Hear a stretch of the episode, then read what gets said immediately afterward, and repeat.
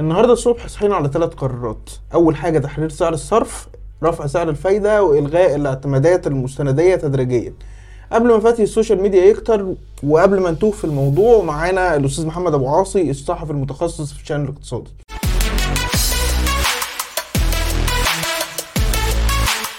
أستاذ محمد باختصار كده أنا كمواطن ما أعرفش أي حاجة في الاقتصاد. أفهم إيه بعد القرارات دي؟ هو اللي حصل النهارده في إجراء آه، شبه كان متوقع رفع البنك المركزي المصري أو اتخذ مجموعة من القرارات المهمة جدا. يمكن أهم قرار بالنسبة لنا كان هو التحرير الكامل لسعر صرف الجنيه مقابل الدولار. تعويم حر بمعنى السوق أو بلغة السوق بدون تدخل من البنك المركزي. طيب بسيط أو بشكل بسيط أنا كمواطن يعني أفهم يعني إيه تعويم.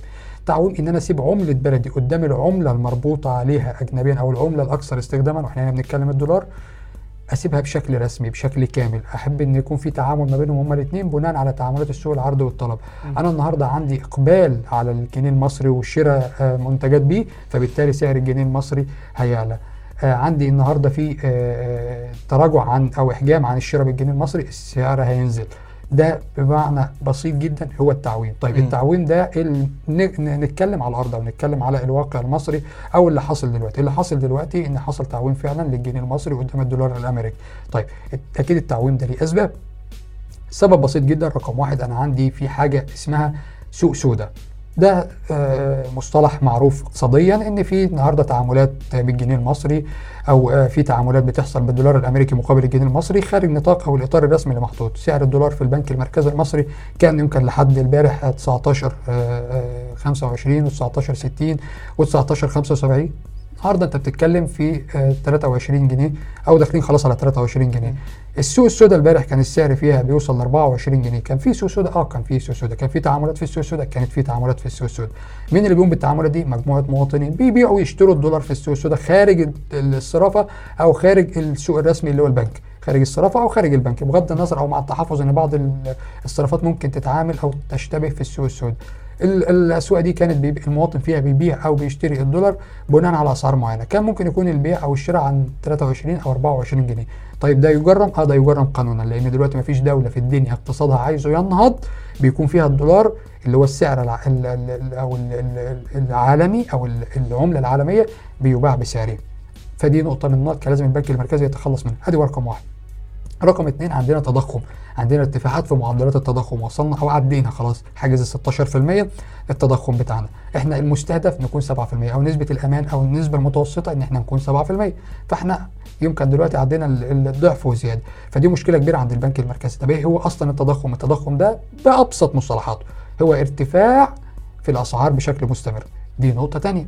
فلازم ناخد بالنا منها. فالنهارده البنك عشان يقدر يسيطر يسيطر على التضخم لازم يرفع الفايدة. وده القرار الثاني اللي أنا هقوله لحضرتك دلوقتي اللي البنك المركزي اعلن عنه فبالتالي لازم أسيطر على التضخم. بس إحنا عندنا التضخم هنا من النوع الوحش النوع السيء النوع الأسوأ اللي هو اسمه تضخم ركودي. يعني إيه تضخم ركودي؟ يعني الحاجة وعكسها يعني السوق بي في أسعار بترتفع وفي نفس الوقت ما فيهوش بيع ولا شراء. فبالتالي وعشان أعادل السوق ده لازم أخسر. لازم البنك المركزي يخسر الاسواق ده بلغة السوق أو بلغة الدرج. عشان أعادل التضخم الركودي ببعضه فلازم أدخل في مرحلة خسارة بعدها أطلع على طول على مرحلة نشاط. فده كان سبب تاني من الأسباب.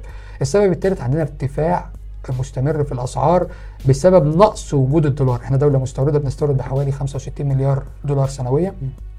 تقريبا يعني من 61 ل 65 مليار دولار فبالتالي عندنا ارتفاع مستمر في أسعار السلع والخدمات وده هيعمل لنا مشكلة كبيرة الفترة الجاية.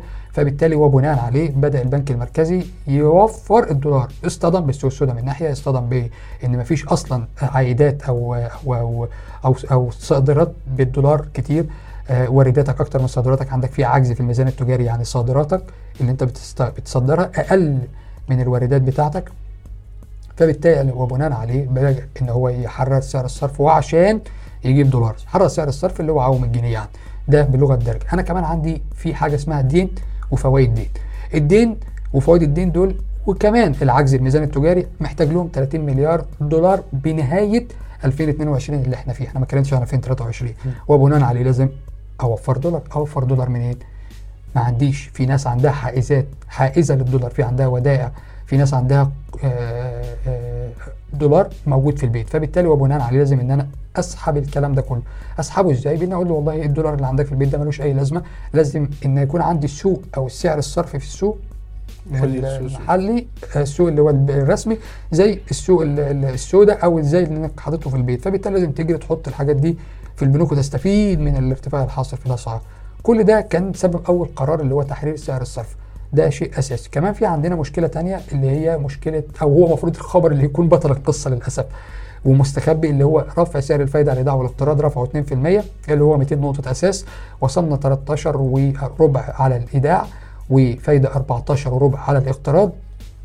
فبالتالي هو بيرفع الفايدة. عشان زي ما قلنا يا أستاذنا ني آه نتكلم على التضخم أو نسيطر على التضخم. في خبر ثالث بقى آه محدش أخد باله منه برضو اللي هو البنك المركزي بدأ يلجأ لموضوع إنك أنت آه أعمل ألغي الاعتمادات المستندية، اعتمادات الاستيراد أو الاعتمادات المستندية دي بشكل بسيط أو بشكل أساسي آه، آه، إن أنا كمواطن بستورد من دولة زي دولة الصين وليكن. الدولة الصين دي المفروض إن أنا بفتح اعتماد استثناء مستندي في البنك المركزي المصري بقول لهم أو في البنك بتاعي بقول لهم إن بمقتضى الاعتماد ده أنا بستورد من الصين وليكن وليكن لعب أطفال. اللعب الأطفال دي أنا مثلا هحتاج أحط لك جنيه مصري مثلا وليكن 10 مليون جنيه مصري وهبعتهم للشريك اللي في الصين وعشان يبعت لي اللعب الأطفال بتاعتي. فأنا لو سمحت يا بنك يا مركز مصري أو يا بنك اللي أنا شغال فيه ممكن لو سمحت تحول لي الرقم ده بالدولار. فمن هنا من واجبات البنك المركزي إنه يحول لك الرقم ده بالدولار وعشان يخاطب ال- ال- الشريك الصيني بتاعك لأن الصيني مش هيتعامل بالجنيه ال- ال- المصري. فبالتالي البنك المركزي النهارده مط- مطالب إن هو يحول لك كل الأرقام بتاعتك دي للدولار. طب ما فيش دولار. فبالتالي البنك عمل كت وقف كل ال ال الاعتمادات دي خلال الفترة اللي فاتت. ده آه ده بشكل بسيط. النهارده البنك بيقول لك أنا هلغي الاعتمادات دي كلها خلاص وتبقى أنت تتعامل عادي. أنا هوفر لك دولار مالكش علاقة. هو هيوفر دولار منين؟ ما كانش ما فيش دولار أو, أو, أو, أو, أو الدولار من شوية. هو دلوقتي في حاجة ثالثه أو في حاجة كمان خلته يحرر سعر الصرف. في سبب. إن هو طالب قروض من بره أهم قرض بالنسبة لنا وأصعب قرض هو قرض صندوق النقد الدولي. قرض صندوق النقد الدولي على حسب الأقوال 3 مليار دولار هو. إحنا طردنا ب 10 مليار 12 مليار ورفضوا 10 مليار ورفضوا 9 مليار ورفضوا 6 مليار ورفضوا 3 مليار وحصل قبول النهارده أعتقد القرض ده هيكون أكتر لأن في تكتم من الحكومة المصرية في عدم الإعلان عن تفاصيل القرض ده بالذات. طيب القرض ده ليه شروط صندوق النقد الدولي الوحيد هو البنك الدولي ممكن بنك الانشاء والتعمير والبنك ال- التنمية الصيني أو بنك الشعب الصيني. دول بيبقى لهم أسباب أو بيبقى لهم اشتراطات عشان اديك قروض. الاشتراطات دي مش تحكم فيك لا هو عايز اقتصادك ينمو عشان تقدر ترجع له فلوسه. هو حاطط الشروط دي هو الوحيد اللي قادر إنه يسلف حضرتك. أنت النهارده آه مش عايز تروح للبنك خلاص ما تروحش. هو حاطط شروطه فأنت رحت شروطك قال لك أنا عايز منك شرطين أساسيين. رقم واحد إلغاء كافة أنواع الدعم على جميع السلع والخدمات وكل الحاجات اللي انت ممكن تقدمها للمواطنين أو حتى المستثمرين. مم. يعني لو هتطلع لي قرض ما تطلعليش قرض المشروعات الصغيرة والمتوسطة بفايده 2% هيطلع بالفايدة ال 14% اللي إحنا لسه اعلنا عنها من شوية. طبعا ده كان أول شرط. والشرط ده الصراحة الحكومة المصرية رفضته وبدأت تتفاوض فيما يخص. لأن مشروع الرئيس ومشروع الحكومة المصرية بيقول إن عندي مشروعات حياة كريمة وعندي مشروعات تنمية وعندي مم. مشروعات كل المشروعات دي تعتبر نوع من أنواع الدعم. كمان في نقطة ثانية وهو إلغاء الدعم عن الخبز وده في الوقت ده غير يعني ده هيؤدي لعدم استقرار مصر أو عدم استقرار السياسي في مصر. فبالتالي تحفظت الحكومة المصرية على الشرطين دول. الشرط الثالث الحكومة المصرية أبدت مرونة فيما يخص وهو تحرير كامل للعملة المحلية، الجنيه أمام الدولار، م. أصلا سعر الجنيه قدام الدولار دلوقتي مظلوم،. العكس ده سعر الدولار أعلى، أنا ليه رابط سعر الصرف؟ الدولة ليه تدعم العملة؟ أفضل تدعم المواطن، مم. ده يعتبر نوع من أنواع دعم العملة، فبالتالي بدأ البنك المركزي يلجأ لنقطة ثانية وهي إن هو يحرر سعر الصرف يرفع الفايدة وبالتالي يلغي كمان الاعتمادات الاستيراد. تمام طيب إحنا كان الاجتماع الدوري لل- للجنة السياسات النقدية كان تقريبا عدى عليه شهر وتقريبا أربع أيام مم. وقتها البنك قرر إن إحنا هنثبت سعر الفايدة وما خدش ولا قرار من اللي خدناه النهاردة إيه اللي اتغير وقتها برضو الخبراء يمكن برروا الموضوع بإن حتى تحريك سعر الفايدة مش هيبقى مؤثر بالتحديد في نقطة اللي هو جذب الاستثمارات غير المباشرة في أدوات ال- الدين الحكومية إيه اللي اتغير خلال شهر ممكن يكون يعني الاجتماع ال- الدوري ما خدش قرار فجينا خدنا النهارده في اجتماع مفاجئ؟ هو أنا بشكر حضرتك على السؤال ده جدا. السؤال ده في محله. والسؤال ده آه، كان من ضمن الأسئلة اللي أنا واحد من الناس كان عندي معلومة عنها قبل شهر. أنا ممكن اعلنت آه، عندي على حساباتي الخاصة إن أنا ال- البنك ده عمل الاجتماع في التوقيت ده أو عمل حاجة اسمها test للاسواق اختبار أسواق النهارده كان لسه محافظ البنك المركزي لم يمضي على تعيينه أكتر من أسبوع على ما أعتقد. آه، فبدأ البنك المركزي أو شهر وبس كانت لجنة السياسات النقدية آه، مش متداخل هو في القرار بتاعها ده يعتبر أول قرار رسمي لمحافظ البنك المركزي. آه، الأستاذ حسن عبد الله ومستشاريه آه، وعلى رأسهم الأستاذ هشام عز العرب فكان لازم يعملوا حاجة اسمها test أو اختبار للأسواق فاضطر إن هو يثبت ووقتها كمان ما كناش توصلنا بشكل نهائي لاتفاق مع صندوق النقد الدولي. وبناء عليه الصندوق بدأ ياخد نفسه أو بدأ ياخد القرار إن إن خلاص أنا هخش في مفاوضات مع الحكومة المصرية بناء على البنك المركزي بدأ ياخد قراراته لأن السياسة النقدية اللي بيتعامل بيها المحافظ الجديد تختلف جدا عن المحافظ القديم. كل واحد فيهم ليه فكر كان المحافظ الجديد أكتر تحررا وأكتر شجاعة وجرأة على اللي هو إيه يعني اختراق الأسواق زي ما بيقولوا. طيب في ال- من في إطار البيان وفي إطار اللي إحنا سمعناه من. آه. منك دلوقتي المفروض إن إحنا بنقول إن ده تعويم كامل صحيح أنا في كده فهمت صح؟ صح. طيب كان في جزء من البيان بيتكلم في فكرة إن البنك المركزي هيفضل متمثل بالهدف الرئيسي اللي هو تحقيق استقرار الاسعار ده إزاي ممكن يحصل؟ وهل معناه إن هيبقى لسه في أدوات بين قوسين من تحت الترابيزة؟ ممكن يعني فهمنا النقطة دي أكتر. هو كده أنت خدتنا في نقطة تانية. مم. آه بس إحنا هنتكلم فيها. أوكي. يعني ودي تعتبر برضو آرائنا الشخصية. مم. آه ونبض السوق. مم. وممكن نقول معلومات. ماشي، ما فيش. مشاكل يعني إحنا هنجيب. الثلاث حاجات مبدئيا فعلا البنك المركزي حط النقطة دي فعلا في ضمن البيان بتاعه وإن. هو فعلا هيبقى متمسك بإن هو يعمل توازن في سعر الصرف فتوازن سعر الصرف حضرتك إن هو يقضي على السوق السوداء ده رقم واحد مم. رقم اتنين يحط الجنيه في سعره الحقيقي مم. وسعر الحقيقي للجنيه مش 19 مم. أو 19 آه، 70 أو 75 زي ما كان. امبارح. النهارده انت انت لحد دلوقتي كل ما نعمل ريفريش بتزيد الأسعار انت النهارده وصلت عندك. السعر 22 75 كان قبل التصوير مم. ممكن بعد التصوير تلاقيه يعني 23. غالبا دلوقتي زاد آه بالظبط آه مم. كمان انت النهارده آه واخد القرار يوم الخميس عشان الأسواق تبدأ تهدى وتبدأ تشتغل تاني على يوم الاحد فهتبدأ الأمور تكون خدت الصدمة الرئيسية بتاعتها بالظبط لحد ترجع وأنت آه. عارف آه. الدنيا وصلت فأنا عندي كبنك مركزي أخدت القرار ده فعلا آه أخدت القرار ده فعلا حافظ على سوق الصرف إزاي لا يعني بأي حال من الأحوال إن أنا أتدخل حرفيا حتى النهارده. في إن أنا آه، آه، آه، أعمل تعويم مضار وأحط إيدي من. تحت الترابيزة بما أملكه من صرافات. آه، أو أو أو أيدي طوله في السوق ال- ال- ال- خارج خارج السوق الرسمي السوق السوداء أو غير السوق السوداء سوق الصرافة قصدي. قصدي لأن البنك المركزي بنك دولة كبيرة ومصر دولة كبيرة لا يليق بها التعامل في السوق السوداء. لكن هو هيدخل إيده الطولة للتعامل مع الأسواق دي. فهيعمل توازن بالانس شوية ما بين سعر الدولار وسعر الجنيه. آه، بحيث إن برضو الدولار ما يوصلش للأرقام الغريبة اللي إحنا بنسمع عنها من بعض الناس اللي هم برضو بساطه وحابين يفهموا أكتر مم.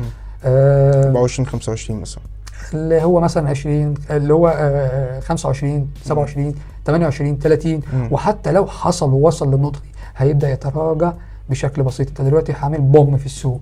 فالبوم ده هيستمر معاك أسبوع على أقصى تقدير أسبوعين.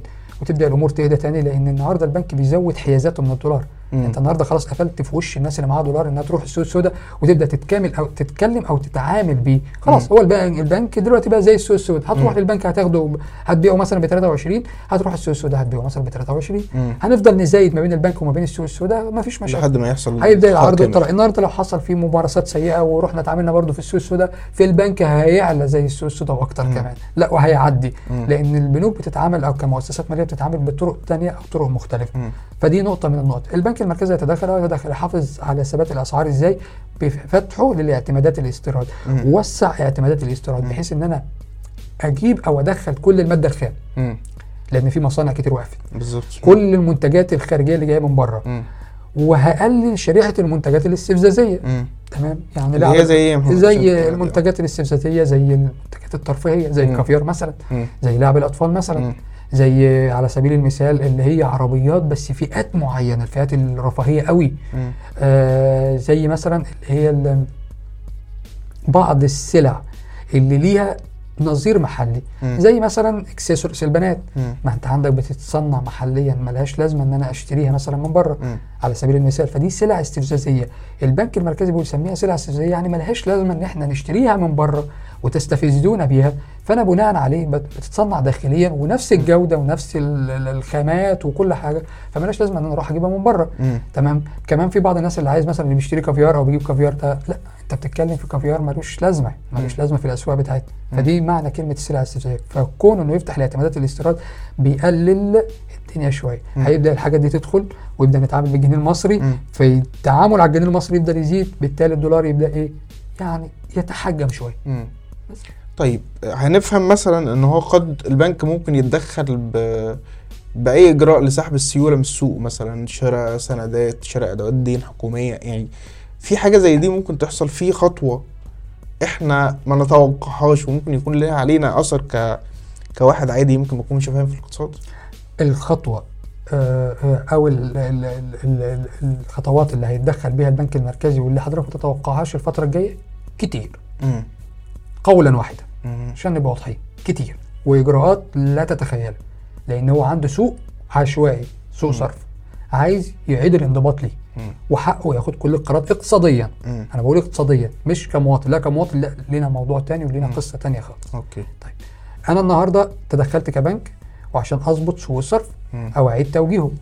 أه هبدأ أفرض مجموعة من الإجراءات. وممكن تنتهي باجراءات جنائية لبعض الناس اللي هي بتخرج عن طوع سوق الصرف.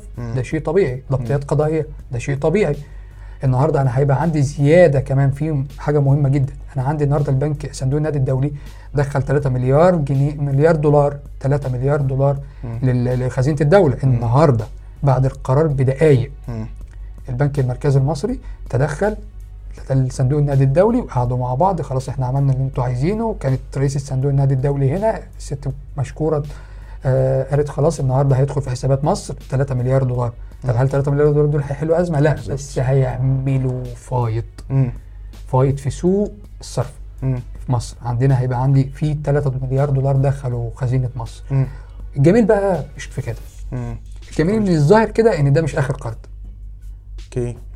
النهارده انت بتتكلم في ان دي آخر نقطة آه ده بعد ست شهور هيعمل لك مراجعة تانية يعني معناها إن القرض لسه ليه بديل مم. فمع كل بديل انت بتاخد إجراءات تانية مم. يعني ما اتوقعش جدا أو أتوقع ده أنا متأكد إن أنت ممكن بعد الست شهور يقول لك إن أنا هلغي بعض الإجراءات زي الدعم وغيره من على مصر هنا تمام فدي نقطة أوكي. من النقط فده أنت بالنسبة لك آه أنت مستن مش هتقدر تاخد أي قرارات أو تتدخل لدى ال لدى ال سواء الصرف في الفترة ال- ال- الج- الجاية بحيث إن أنت تتدخل بتعمل تعويم مضار لا اطلاقا أنت هتسيبه عرض وطلب حر التزاما بقرارات صندوق النقد الدولي لأن أي إخلال منها يبقى إخلال بالاتفاق ما بينكم يبقى انت مش هتتسلم باقي دفعتك.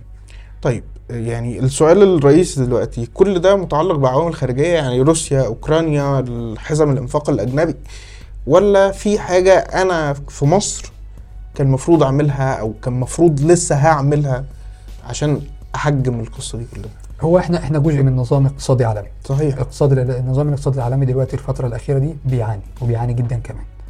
آه فإحنا كمصر آه كان في بعض الإجراءات لازم ناخدها ولازم ناخدها خلال السنين اللي فاتت. إن إحنا نتحول من دولة مستوردة لدولة مصدرة. إحنا دلوقتي عندنا عجز في الميزان التجاري بتاعنا.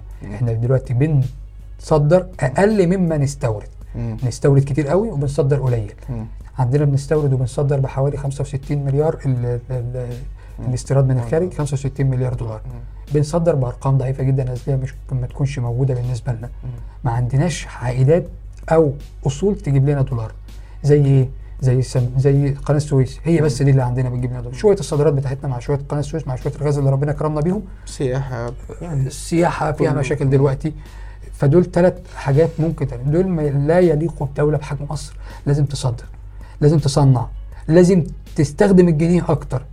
لازم النهارده استغنى عن الدولار. فاستغنى عن الدولار إزاي؟ إن أصنع كل حاجة عندي في بلدي. وإن أجيب شركات تقيلة. والدولة شغالة على كده الان يعني. الدولة شغاله ان أجيب شركات تقيلة. بس الخطوه متاخره دي نقطة. أنت كمان جزء من نظام عالمي في إن فعلا في أزمات عالمية زي التضخم. مم. تمام؟ المشكلة الكبيره حصلت لما الفيدرالي الأمريكي بدأ يرفع معدلات الفايدة عنده لأن في زيادة عنده في التضخم وأمريكا. بتخاف من الفايدة جدا. مم. جدا. بيخافوا. هم كشعب من من موضوع التضخم. فبالتالي الحكومة بتتدخل بترفع الفايدة عشان تسيطر على التضخم الحاصل. وعشان تحمي اقتصادها فلما تحمي اقتصادها هي بتفرم الأسواق النامية الناشئة وأنت سوق نامي. سوق على قده سوق لسه بينمو سوق لسه بيطلع. فدي نقطة من النقط المهمة اللي لازم ناخد بالنا كلنا منها تمام فدي كان سبب من الأسباب. كمان في عندك مشكلة روسيا وأوكرانيا. أنت معظم استيرادك للقمح وكان من روسيا وأوكرانيا. كسلعة استراتيجية ودي سلعة أساسية عندنا هنا في مصر. فده عمل لنا مشكلة أو زود الأسعار شوية علينا. فبالتالي بدأنا نلجأ لأسواق بديلة. في عندك مشكلة ثالثه وهي مشكلة البترول. ما هو النفط ارتفع لما حصل الخلاف ما بين روسيا وأوكرانيا. عندك في مشكلة في الذهب. الذهب ارتفع لما بدأت كل الدول تقفل حيازاتها من الذهب لأن أنا بقيت عندي عدم ثقة في الدولار مم. في عندي مشكلة رابعة. وهي ان أنا أصلا كدولة مستوردة أو دولة بصدر غاز بدأت اصدر كمان غاز لأوروبا بس بدأت بس دخل لي منافسين زي قطر زي الجزائر زي نيجيريا. الناس دي هتبدأ تاكلني في السوق الدولي لأن عندك كميات كبيرة وكميات ضخمة. أنت مش أكبر احتياطي في العالم. فيما يخص أنت من ضمن العشره الأوائل في العالم فعلا وسوق واحد وسوق ليه وقت كل دي كلها كانت ضغوط عليك قللت الدولار عندك أنت عندك كمان معدلات دين بتزيد عندك كمان كنت انت كنت في وسط معمعة الإصلاح الاقتصادي بتاعك. مم. كمان بنية تحتية. مم. فكل دي نقط وكل دي حاجات لازم حضرتك تاخد بالك منها. دي كانت سبب وعوامل رئيسية. في عندك ممارسات غلط جوه زي. السوق السوداء وزي تعاملات الدولره الدولره إنك تتعامل تبيع وتشتري بالدولار وتركب التاكسي بتاع حضرتك بالدولار وتفول عربيتك بالدولار. مم. وده غلط. ما ينفعش إن أنا النهارده أفرم عمله دوله ما المواطن. برضه شريك في بعض الحاجات. أنا. عارف إن مش شريك في كله. وهو الجزء الأصغر عشان برضه مشاهدينا ما يزعلوش هو الجزء الأصغر فعلا.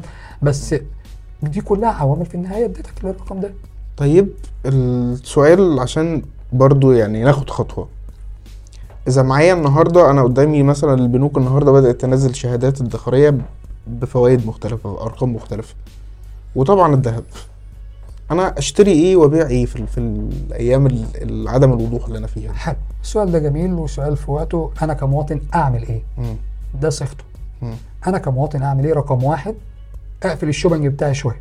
تمام. ما اعملش shopping إلا بالجنيه المصري. يعني ما اروحش اطلب اوردرات من بره بالدولار. جميل؟ تمام. آه رقم ثلاثة اشتري كل حاجة بالتقسيط. ما ادفعش فلوسي فوري. أو ان أنا احجز. هشتري مثلا آه تليفون. بقول له والله التليفون ده عامل كام؟ عن 34000 جنيه. اتفضل.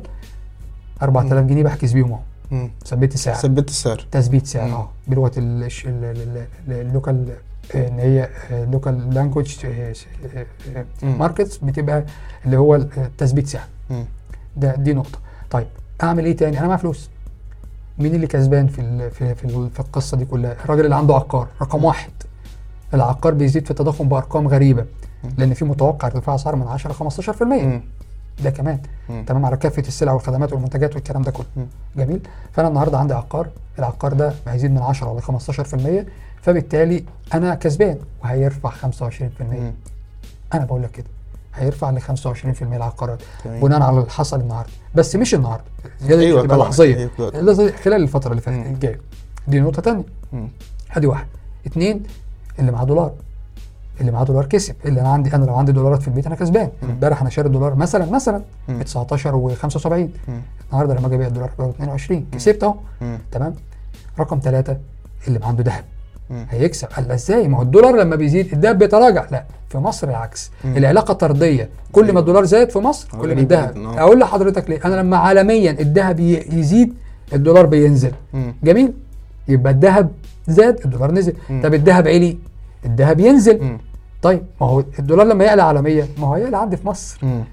فبالتالي وأنا ومفروض الذهب نازل لا ما هو أنا الدولار قدام الجنيه فبالتالي بتاع الذهب هيجي رافع السعر. يمكن عشان إحنا بندور على أي وسيلة آه. نحفظ بيها الفلوس فالمتاح بنروح. هو ده المتاح. طيب مم. حد هيقول لي طب أنا أروح أشتري دولار دلوقتي؟ اتفضل روح اشتري دولار. لو لقيت. مش أيوه آه لو لقيته. لو لكن لقيت- لو لقيت ذهب لو لقيت لا. الذهب أكيد. مم. وهيبقى فيه زيادات في أسعار الذهب زيادات جنونية. مم. هو ده ده ده ده, ده الروشته لكن لو تملك ما تبيعش. آه لا لو تملك ما تبيعش. ملاش لازم تبيع دلوقتي. إلا بقى لو حضرتك في احتياجات قهرية بقى زي لا قدر الله عمليات جراحية الحاجات دي كلها ده أقصى حاجة. لكن بره كده لا. أي حد هيبيع دلوقتي هيحرم نفسه من مكسب بيها الفترة الجاية. بس طبعا إحنا بنوجه عن طريقه نداء لكل المصريين إن حد عنده دولار لازم يحطه في البنوك لأن ده السوق الرسمي ويا ريت ما نتعاملش في السوق السوداء لأن في الآخر الفاتورة هندفع ثمنها كلها. وزي ما قلنا إن يمكن يكون في إجراءات جنائية قريب آه طبعا آه طبعا أكيد هيبقى في إجراءات جنائية وضبطيات قضائية وكلام تاني خالص ويمكن ده هيبقى جزء من التعاون البنك المركزي والحكومة وفي نفس الوقت وزارة الداخلية. طيب آخر سؤال بقى وهغمض عيني و... وفي وشي على طول.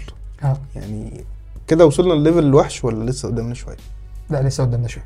كتير آه لحد ما نسيطر على معدلات التضخم العالميه أول ما نوصل لمرحلة الخسارة النهارده في حاجة جميلة جدا اسمها دورة حياة الأسواق. مم. يعني إيه دورة حياة الأسواق؟ أنا عندي سوق في قمة نشاطه ومكاسب والناس كلها مبسوطة. فجأة من كتر المكاسب والبيع والشراء بيحصل تضخم. تضخم يعني إيه؟ يعني بيبقى في ارتفاع للاسعار بنتيجة إقبال الناس على الشراء. أنا عندي السوق جميل أنا بعمل عرض كتير وطلب كتير. فجأة بين يوم وليلة لقيت العرض قل الطلب زاد. الأسعار رفعت فبخش في حاجة اسمها تضخم مم. لو أنا حظي حلو بخش تضخم عليه خسارة عليه نشاط تاني لا وأنا داخل على التضخم لقيت نفسي عندي في حاجة اسمها ركود مم. ده التض- ده الخطوة اللي بعد التضخم على طول مم. ركود يعني إيه يعني ببيع مم. عندي بضاعة كتير في السوق بضاعة كتير في السوق ومفيش شراء. جميل المفروض بعد كده أدخل في خسارة. لا ده في حاجة تانية فيها اسمها مصيبة تانية اسمها ركود تضخمي. ركود تضخمي آه بيطلع لك إن أنت عندك زيادة في الأسعار وفي نفس الوقت عندك عندك زيادة في المعروض آه، عندك قللان في المعروض ومفيش بيع.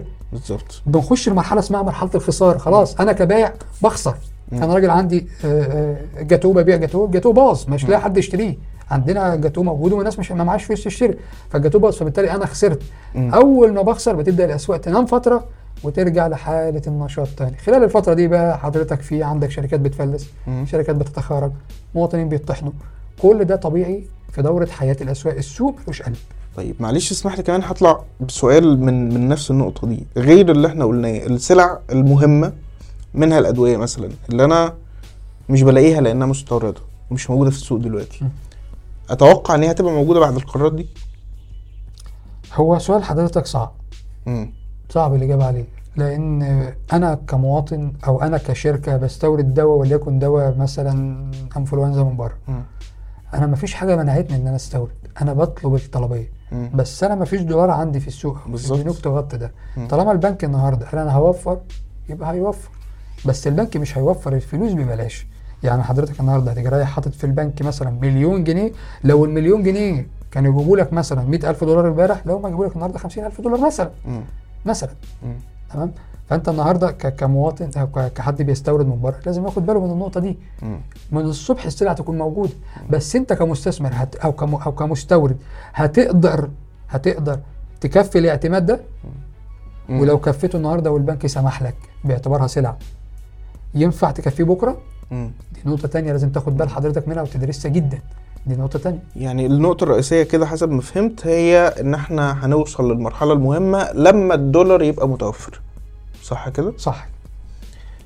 كده بتنتهي حلقتنا من بودكاست سين جيم في دقائق. كان معاكم محمد شوشة وكان معايا الأستاذ محمد أبو قاسم. نشوفكم على خير.